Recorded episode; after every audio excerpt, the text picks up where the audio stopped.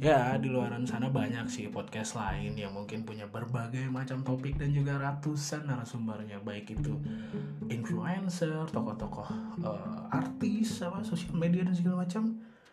Uh, pertanyaan gue sih kayak apa bener-bener kita pengen ngedengerin mereka gitu? Atau mungkin kita cuman pengen dibilang sama komunitas kayak open minded intelektual dan segala macam.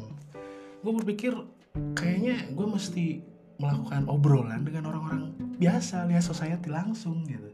Yang nggak famous bukan influencer dan juga tidak terkenal di sosial media. Mungkin mereka bakal lebih lepas gitu obrolannya ya kan? So ya begitulah. Enjoy the show